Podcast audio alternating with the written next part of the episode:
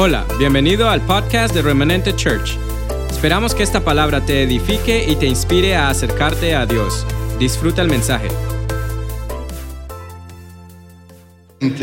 Que nuestra ciudad, dice más, nuestra ciudadanía está en los cielos, de donde también esperamos al Señor y Salvador Jesucristo. Cuando era niño, no hace mucho, eh, pues como me crié en la iglesia básicamente, siempre oía que íbamos para el cielo. Y de pronto mm, había una cultura escapista en medio de, la iglesia, donde eh, no había como necesidad de preocuparse mucho por progresar porque ya nos, íbamos para el cielo. era, uno vivía como cuando uno va de, de paseo, que a lo último, ah, cuando volvamos hacemos eso. Más o menos así, nada, no se preocupaba uno ni por... hubo una época que a los muchachos les, decían que no fueran a la universidad porque ya Cristo venía. Entonces, eh, hubo una, una cultura conformista. Esto llevó, la, es lo que yo les digo, lo que hace la mala interpretación de la palabra muchas veces. Porque como nuestra ciudadanía está en los cielos, entonces, según eso, aquí éramos ilegales. Pero no, es, como a veces se malinterpretan la, la, palabra. Y Pablo estaba escribiendo en este caso a la iglesia de Filipo, que era una colonia romana. O sea, Filipo, donde está la iglesia, la iglesia de los filipenses, era una colonia romana y que reflejaba los ideales de lo que era todo el sistema político, económico y social de, de Roma, que era en ese momento el imperio que predominaba sobre la tierra. Era un pedazo de Roma, lejos de Roma. Y aunque Roma quedaba muy lejos, era como la gente se sentía como si estuviera en Roma, amparados por su gobierno. Y la lengua que se hablaba, no se hablaba italiano como mucha gente cree en esa época, se hablaba latín, alguna población hablaba griego. Y César, que era el emperador, se consideraba como, como el, el Señor y el Salvador de, del mundo. Así que como, como colonia romana era una extensión de ese imperio. Todos gozaban de todos los derechos, de todo lo que representaba, alrededor de 700 millas que, alcanzaba el área de, la antigua Mesopotamia. Y cuando te digo que, que muchas veces la mala interpretación de la palabra ha hecho que caminemos como en vía contraria hacia lo que Dios ha dicho de nosotros y sobre nosotros, eh, en este caminar, gracias a Dios, en este caminar, uno va evolucionando en la palabra, en la revelación y en la inquietud obviamente de buscar, encontré una, una versión de la Biblia que es la Biblia Mofat, es una versión en inglés y, cambia mucho el sentido porque lo, que hace eh, las versiones de la Biblia es traer una mayor interpretación del original, en este caso del original griego en algunos casos hebreo, pero mayormente el griego. Y esa Biblia Mofat dice de, en inglés, eh, en Filipenses 3:20, but we are a colonial heaven, and we wait for the Savior who comes from heaven, the Lord Jesus Christ. Dice, somos una colonia del cielo y nosotros esperamos por el Salvador Jesucristo, quien viene del cielo que viene del cielo. Entonces, esa palabra nos está diciendo que Él viene del cielo y nosotros estamos queriendo ir para el cielo. Entonces hemos tenido y nos hemos movido a veces, y es lo que la tradición ha hecho, de movernos mucho en una mentalidad muy, y quiero que entienda esto, muy queriendo estar en el cielo. A veces creemos que es mucha virtud y yo oigo gente diciendo, ay Señor, ven pronto, ya, tanto sufrimiento. Yo he oído oraciones de ese tipo y muchas veces religiosas decimos, ay no, que el Señor venga allá, yo quiero que el Señor venga allá. Yo no quiero que el Señor venga allá. Porque si el Señor viniera ahora, se van a perder muchos. ¿Me está entendiendo lo que le estoy diciendo? Y hay un tiempo de Dios para ello. Suena fuerte lo que te estoy diciendo. Pero ¿qué sucede? Que nosotros fuimos puestos en la tierra para cumplir un propósito. Y Dios todavía está interesado en que ese propósito se cumpla. Entonces, ya llegaremos al cielo en su momento. Pero mientras tanto, Dios ha planificado, Dios ha establecido que, que nosotros nos movamos en la tierra y que seamos esa colonia del cielo en la tierra. ¿Me está entendiendo? Me estoy haciendo entender claramente. Dios quiere no que ahora nosotros partamos al cielo, ya llegaremos ahí, lo anhelamos, claro que lo anhelamos, pero ahora el Señor necesita que su iglesia, tú y yo, seamos esa colonia, seamos esa representación, seramos esa extensión del cielo en la tierra, de tal forma que cuando la gente nos vea, entonces pueda decir cómo vive la gente en el cielo. Mucha gente vive pendiente de los extraterrestres y, los extraterrestres y hay gente que pasa la vida estudiando los extraterrestres porque quiere saber cómo viven en otras galaxias. Pues bueno, nosotros debemos ser esos extraterrestres, o sea, de extras terrestres, que podemos reflejar cómo se vive en la galaxia del cielo. ¿Cómo se manifiesta el cielo en la tierra?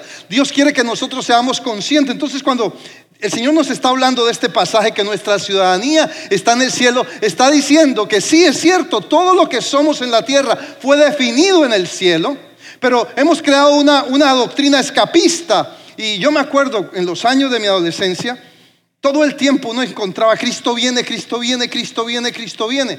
Y no, me, no estoy menospreciando ese hecho, no me malentienda porque Cristo viene pero que necesitamos ser conscientes de antes de anhelar esa mentalidad escapista, poder y estar seguros que tú y yo fuimos diseñados y fuimos equipados por Dios para que en la tierra representemos su obra, representemos su poder, representemos su gloria, representemos su naturaleza.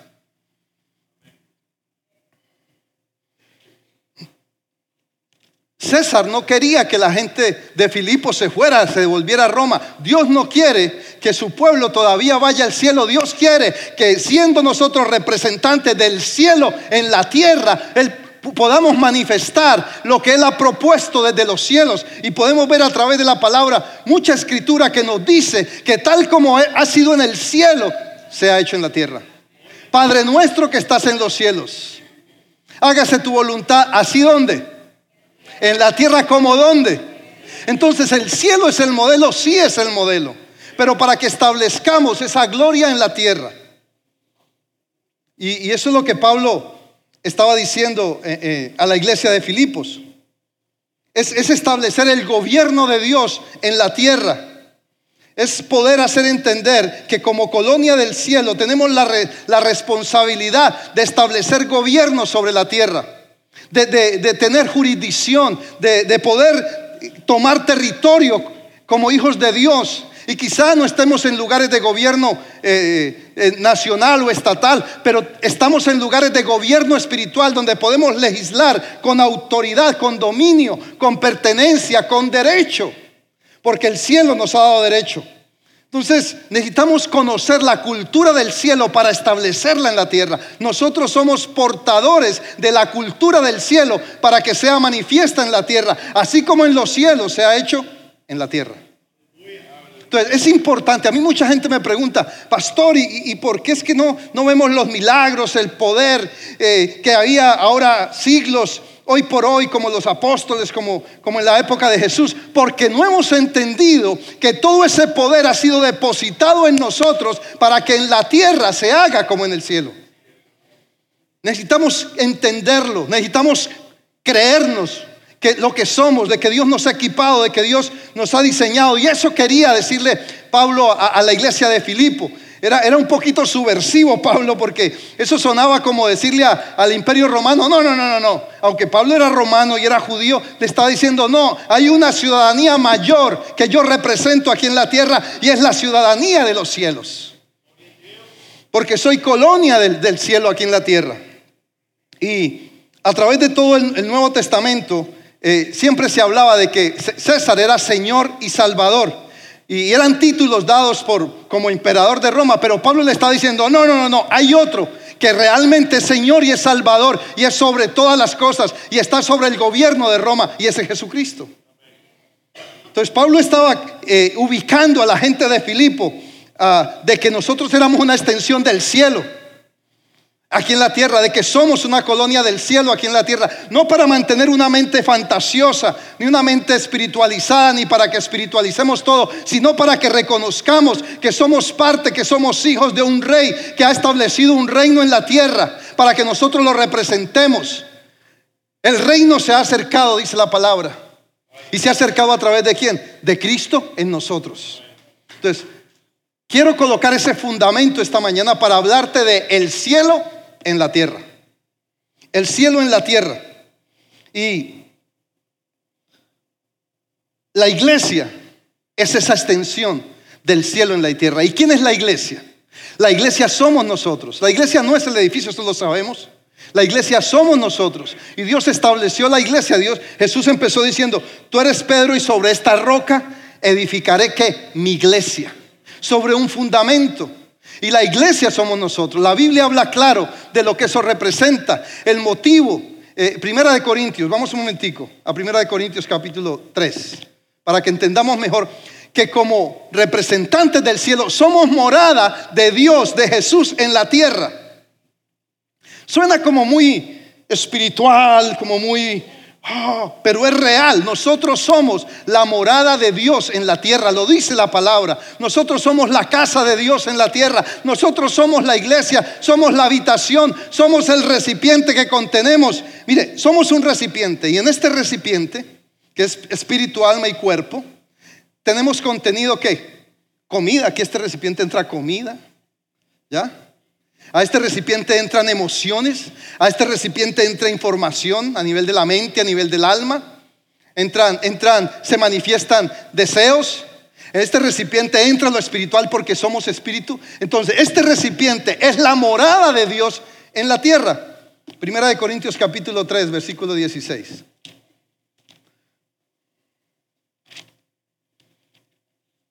Dice,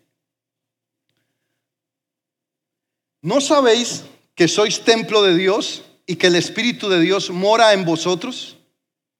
¿No sabéis que sois templo de Dios y que el Espíritu de Dios mora en vosotros? ¿Por qué?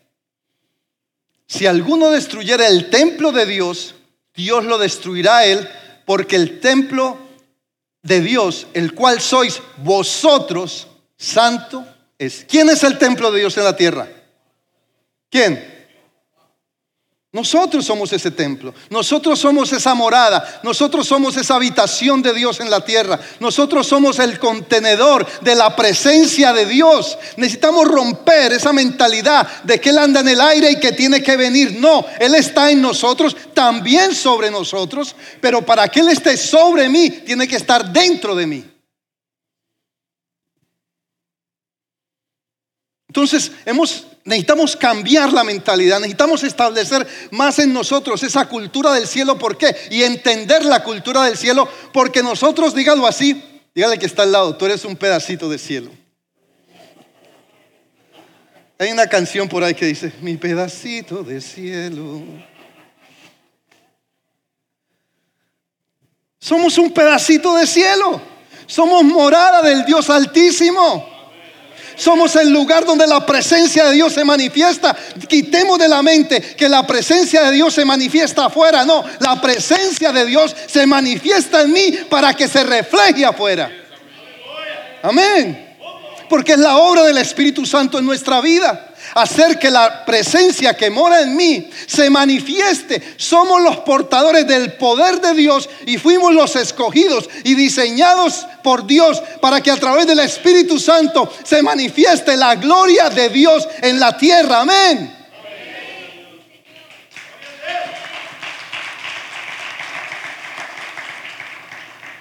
Hemos sido diseñados para que la gente cuando nos vea pueda entender en cierta parte cómo se vive en el cielo y lo puedan ver aquí en la tierra.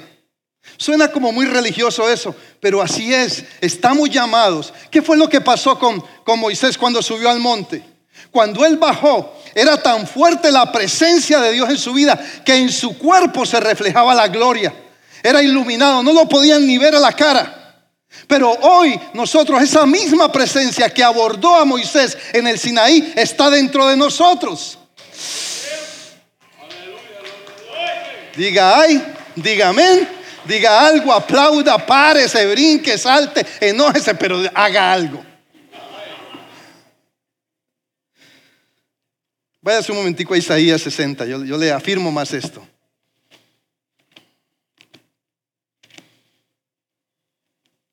Isaías 60.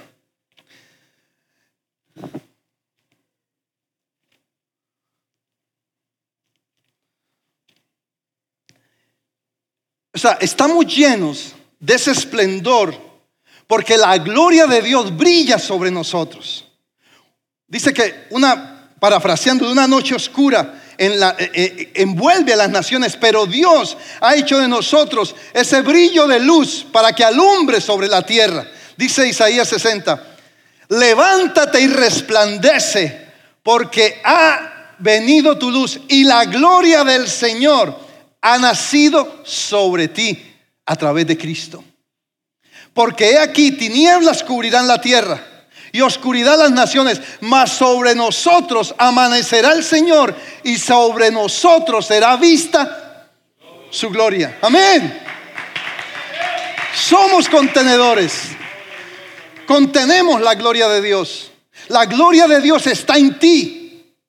Jesús cuando fue a subir después de que murió, resucitó y fue, se sentó a la diestra del Padre. Antes de eso, Él se aseguró que la gloria que Él contenía, Juan 17, 5, 17, 22, dice, la gloria que tú me diste desde el principio, yo se la he dado a ellos. O sea que Cristo estuvo claro, Cristo se aseguró que la tierra no quedara desprovista de su gloria, sino que Él se había provisto de recipientes como tú y como yo, para que esa gloria fuera manifiesta y que cuando tú y yo lo entendiéramos, entonces el poder del Espíritu Santo que mora en nosotros se manifieste de tal manera que entonces se cumpla la palabra y oremos por los enfermos y se sanen, oremos por los endemoniados y sean libres. Amén.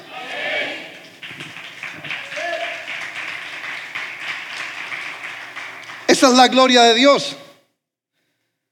Somos esa habitación de Dios para reflejar esa gloria, para operar en autoridad, para operar en gracia, para que donde vamos las tinieblas sean esparcidas, no para que las tinieblas nos cubran.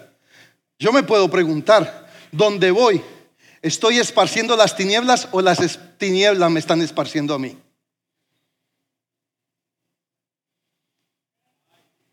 Ay, o soy luz o soy tiniebla.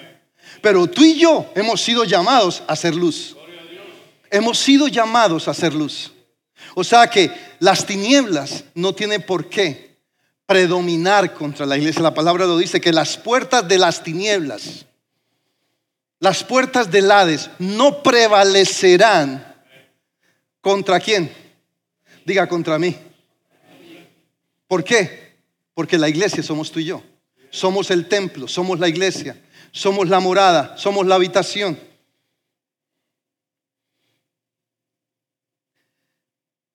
La Biblia dice en Abacú 2.14 que la tierra será llena de su gloria, será llena del conocimiento de la gloria de Dios. Piense por un momento de qué forma Dios tiene o tenía pensado hacer eso.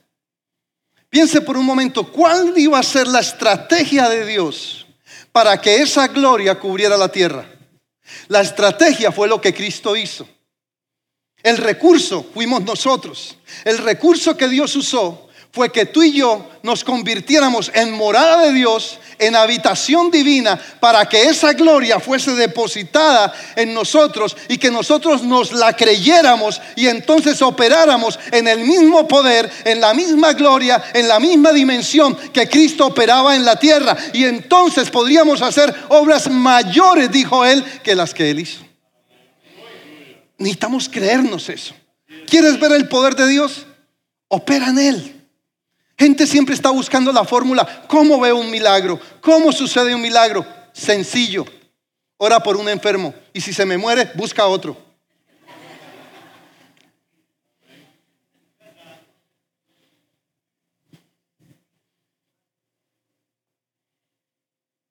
Hello.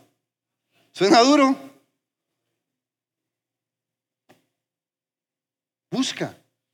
Hay un endemoniado, no salgas corriendo de susto a llamar al pastor. Ora tú, tú eres habitación. Yo no tengo más autoridad que tú espiritual porque soy el pastor.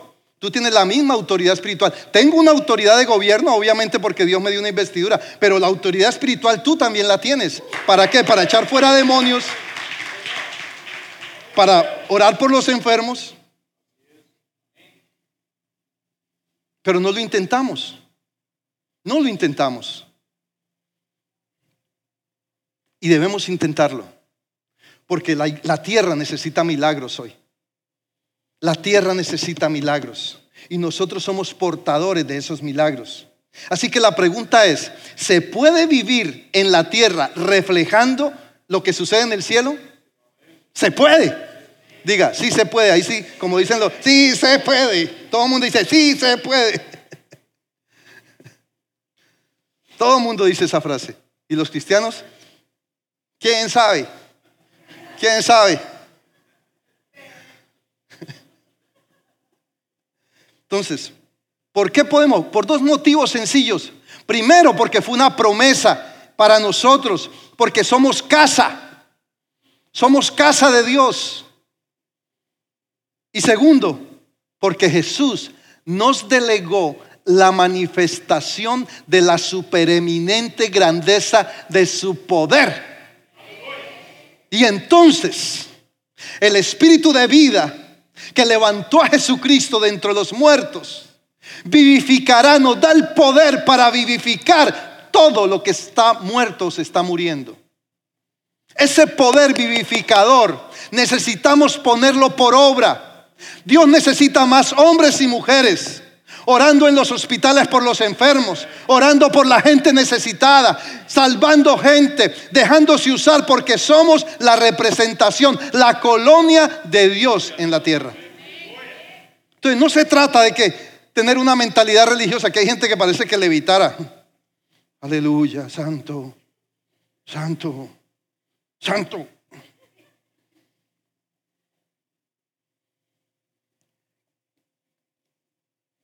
Somos los humanos, somos casa visible de un Dios invisible. Somos casa visible de un Dios invisible. Somos portadores de una gloria que no vemos, pero está obrando. Aunque no pueda ver, está sobrando. Esa es la gloria que nosotros contenemos. Pero yo quiero decirte hoy, el Espíritu Santo está ansioso de hombres y mujeres que se dejen usar. De hombres y mujeres que digan, ok, ¿por quién hay que orar? Y no me malentienda lo que le voy a decir. Si usted encuentra un enfermo, no corra por el teléfono a llamar al pastor porque usted tiene la autoridad. De pronto mientras llama al pastor se le muere.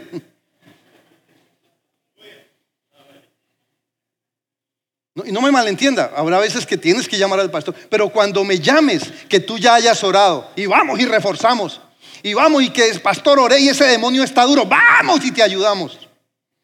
¿Me entiendes? Pero que, que demos pasos de fe, porque somos morada de Dios en la tierra.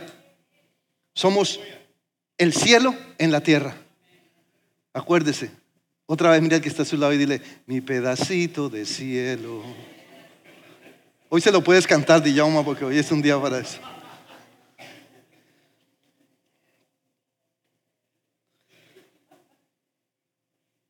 O sea que si yo soy, espérate, si yo soy morada de Dios y Dios opera en todo lo que opera en el cielo, entonces, y Dios vino a morar, Dios con nosotros, Emanuel, entonces todo lo del cielo es lógico que more en mí. ¿Sí? ¿Sí? Entonces es lógico que muere en usted también.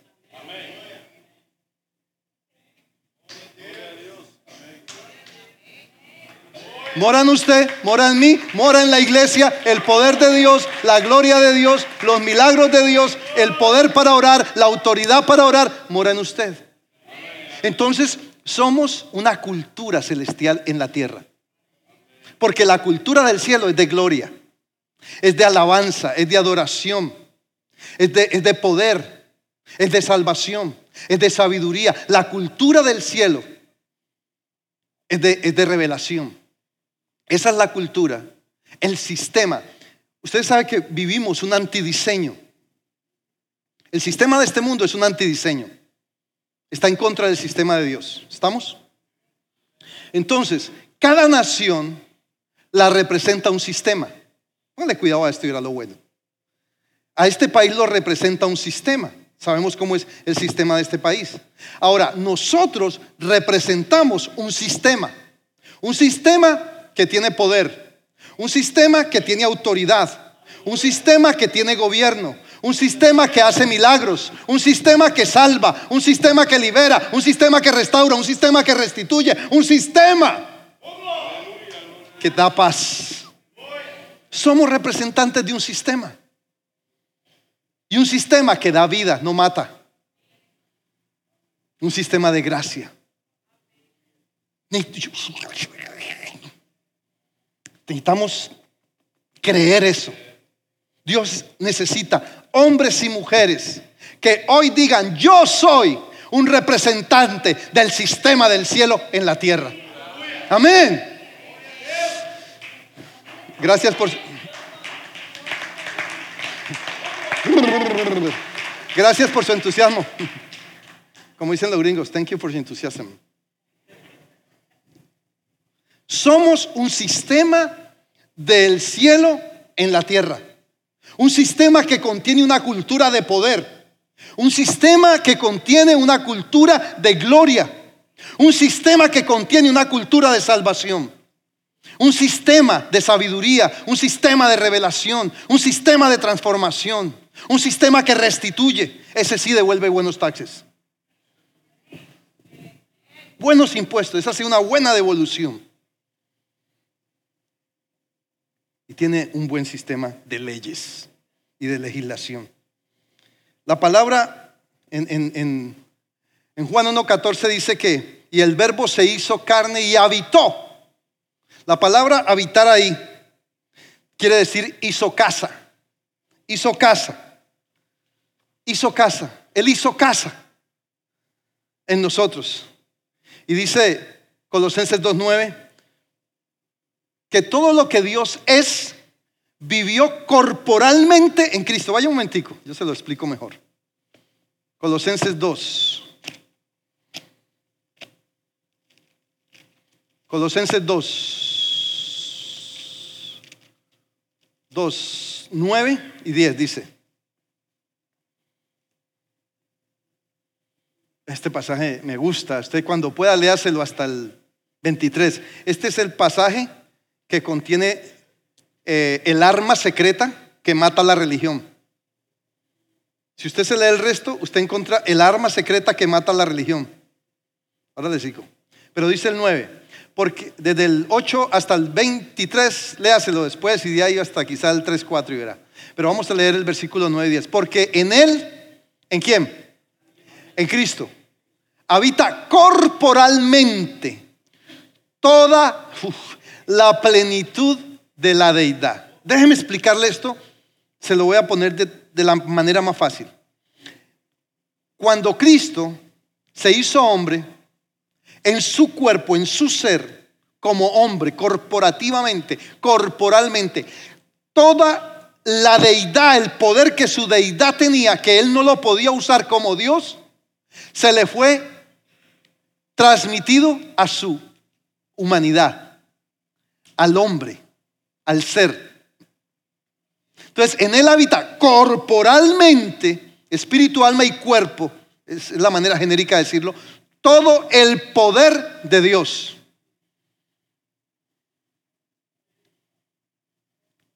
Por eso es que en Jesús hay algo, y esto un paréntesis, que se llama, algo que se llama, no tiene que aprenderse esto que le voy a decir para ser salvo, la unión hipostática, donde él era 100% Dios y 100% hombre.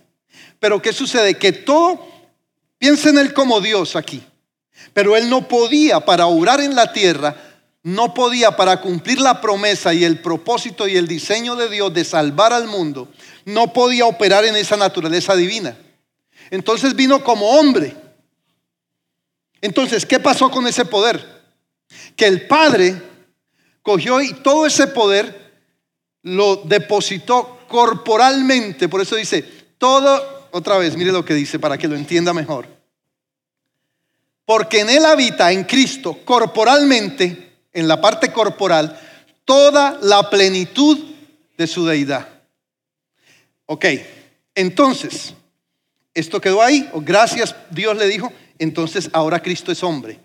Estoy... Entonces dijo, ok, voy a morir, voy a resucitar y me voy a ir para el cielo. ¿Qué hago entonces con esto que me entregaron? Oh, yo vine a salvar a la humanidad. Se lo voy a entregar a la humanidad. Se nos fue entregado. Eso que se le fue entregado a él, ¿por qué? Porque si usted mira, y se lo cité hace un rato, en Juan capítulo 17, versículo 5, 17 y 22, que toda esa plenitud que se llama su gloria fue trasladada a nosotros. O sea que eso que habitaba en él, él no se lo llevó. Él fue y le dijo al Padre, la gloria que tú me diste, toda la plenitud corporal que toda la plenitud que pusiste en mí corporalmente, yo se la di al cuerpo ahora. ¿Y cuál es el cuerpo de Cristo ahora? La iglesia. Entonces en nosotros ahora, esto que dice aquí, la plenitud de la deidad ahora mora en nosotros.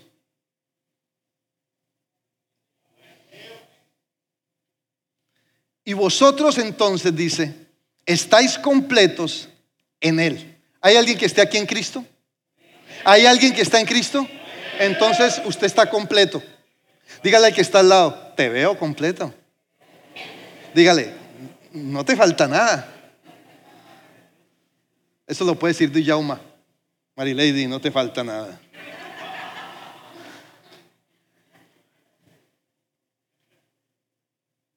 En Él estamos completos. No es una frase religiosa, es una frase real de lo que Cristo hizo por nosotros, porque somos morada del cielo en la tierra, porque somos habitación, porque somos colonia de Dios en la tierra. Así que, así como, pero necesitamos reconocer esto porque nos hemos pasado al pie de la presencia de Dios, con la presencia de Dios durante nuestra vida y no nos hemos dado cuenta. Mire lo que le pasó a, Jacob. Váyase a Génesis capítulo 28. Génesis capítulo 28. Qué rico es leer Biblia, eso es lo mejor que nos puede pasar. Capítulo 28, versículo 16. Dice que Jacob vio una escalera por donde ángeles subían y ángeles bajaban. Y mire lo que dice Génesis capítulo 28, versículo 16.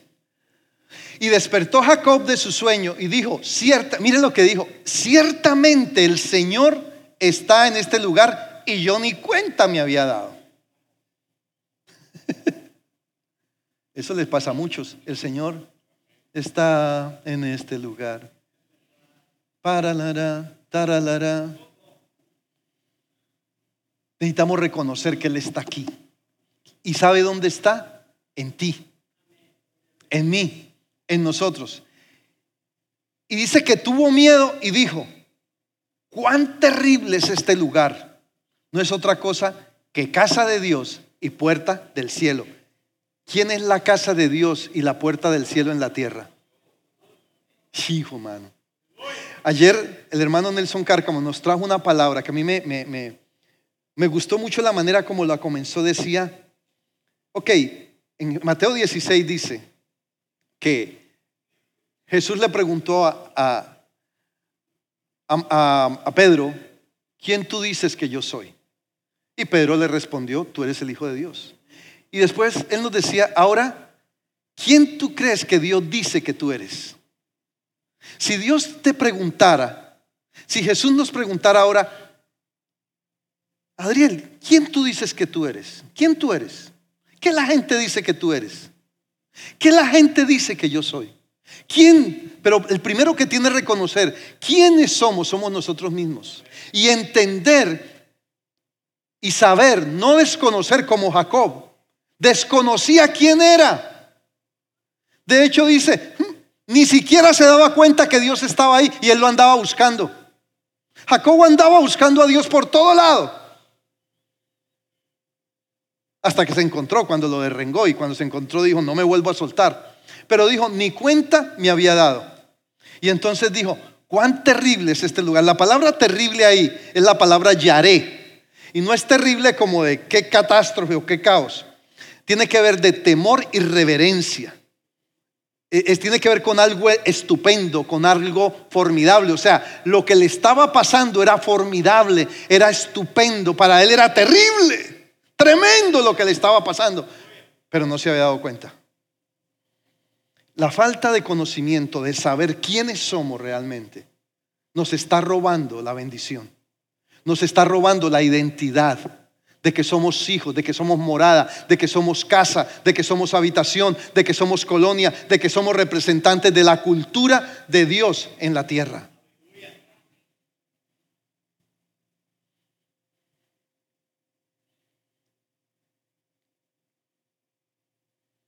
Lo que yo realmente quiero decirte?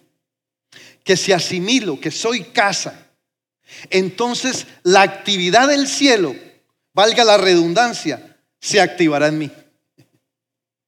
Si reconozco que soy morada de Dios de los cielos en la tierra, todo lo que sucede en los cielos va a suceder a través mío y en mí. Pero necesitamos empezar a ejercitarlo, a creerlo, a, a dejar a saber quiénes somos. Él nos equipó, Él nos diseñó. Si usted recorre toda la Biblia, ayer precisamente mientras el hermano daba esa palabra, eso era, el Señor daba y daba palabra, no eres cabeza, eres cola, no estás abajo, estás arriba. Dios no te ha dado espíritu de temor y cobardía, sino de amor, de poder y dominio propio. Pero Dios pues suplirá todo lo que te falta conforme a sus riquezas en gloria. Todo lo puedo en Cristo. ¿Me entiendes? Si mantenemos esa actitud hacia lo que somos, entonces se materializará, escúchame. La gente verá en nosotros lo que sucede en el cielo. Pero la iglesia necesita despertar. Despertar. ¿Qué hizo Jacobo? Despertó del sueño y dijo, ah, ni cuenta me había dado. Claro, cuando estamos adormecidos no nos damos cuenta de lo que está pasando. Pero hoy el Señor te dice, despiértate para que veas mi gloria en ti. El cielo en la tierra. El cielo en la tierra. Jesús nos ha delegado la manifestación gloriosa.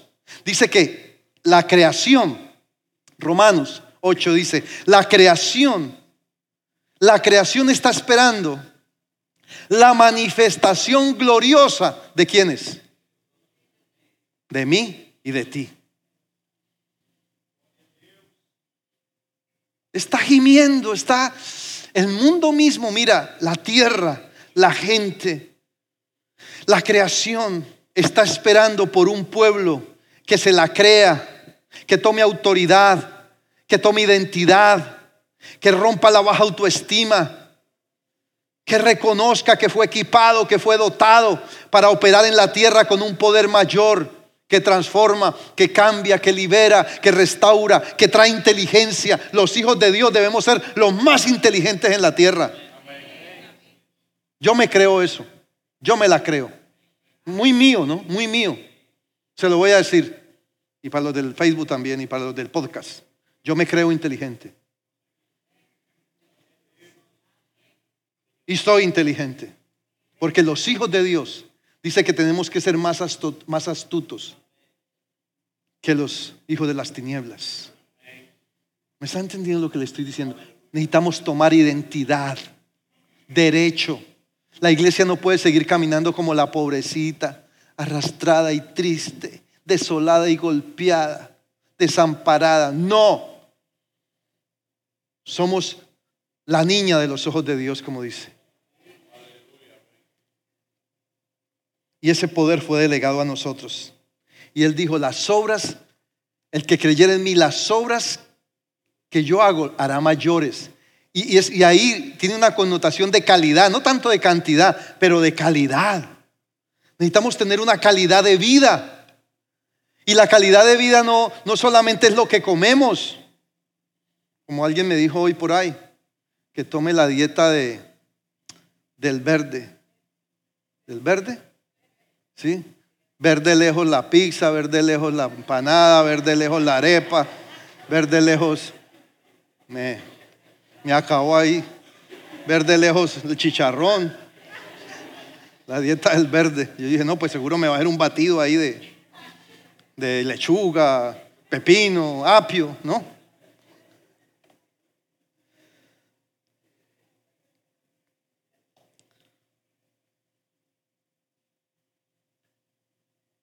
Juan 14, 17.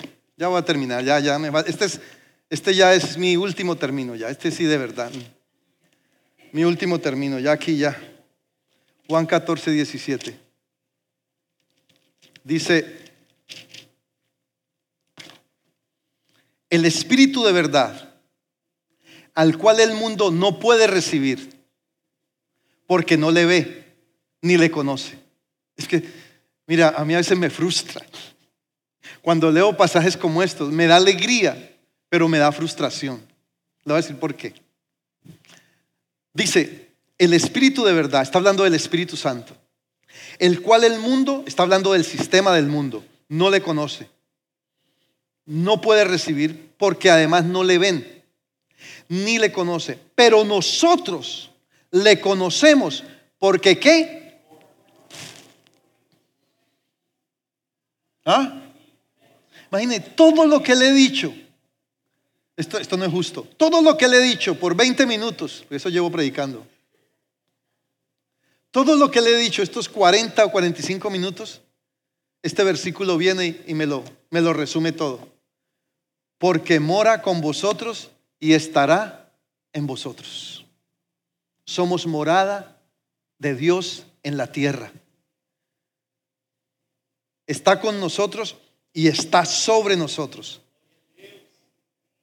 Cuando Jesús le dijo a Pedro que sobre esta roca edificaría su iglesia, también se refería al poder, dice, así como se haga en los cielos, se ha hecho en la tierra. Padre nuestro que estás en los cielos, hágase tu voluntad así en la tierra como en el cielo. Y cierro con Mateo 18, 18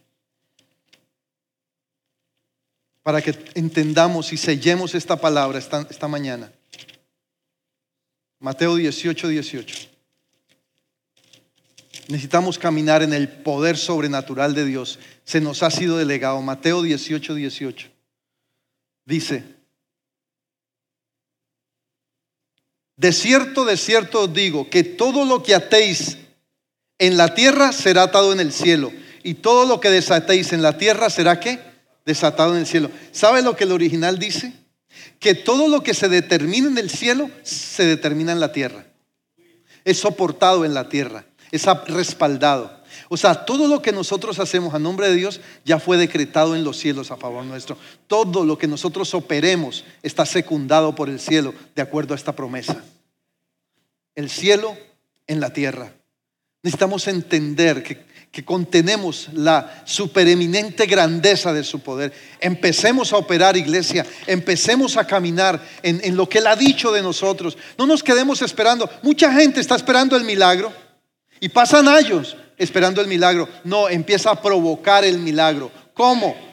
Soy morada, la presencia de Dios está en mí. No, no te pongas a razonarlo, ni a que se te pongan los pelitos de punta, ni a que se te ponga el cabello así. Empieza a operar en fe. ¿Qué es operar en fe? Si necesito esto, voy a orar por esto. Si alguien necesito, voy a orar. Voy a orar, yo voy a operar, yo tengo el poder, yo tengo la unción. Dice la palabra en primera de Juan 2.20 que nosotros tenemos la unción del santo. La tenemos. Así que operemos en ese poder. Amén, ponte de pies. Dale ese aplauso al Señor. Necesitamos, iglesia, despertar. Empieza a operar. No te sientas más como la debilitada, como la, oh, somos la iglesia y este país y este sistema. El sistema de nosotros es mayor que este, es mayor que el de, el de Roma, es mayor que cualquier sistema. Caminemos en la autoridad, respetando obviamente las leyes, caminando en lo legal, caminando en integridad por lo menos, pero entendiendo quiénes somos. Eso somos. Actúa en autoridad, en derecho, en identidad. Diga conmigo, Padre, en el nombre de Jesucristo Hoy declaro que todo mi ser, espíritu, alma y cuerpo son morada tuya en la tierra. Yo declaro y creo que tú me escogiste para que tu poder, para que tu gloria fuese depositada en mí y que yo entendiera y supiera qué hacer con esa gloria. Y hoy sé, y hoy reconozco, y hoy decido lo que haré con esa gloria. En el nombre de Jesús. Declaro que el Espíritu de vida en Cristo, que levantó a Jesucristo, vivifica todo mi ser para que la creación pueda ver la manifestación de nosotros, los hijos de Dios. Amén. Dale ese aplauso al Señor. Aleluya. Aleluya. Gracias, Señor. Esperamos que este mensaje haya sido de bendición. No te olvides de suscribirte a nuestro podcast y seguirnos en Facebook e Instagram arroba remanente church.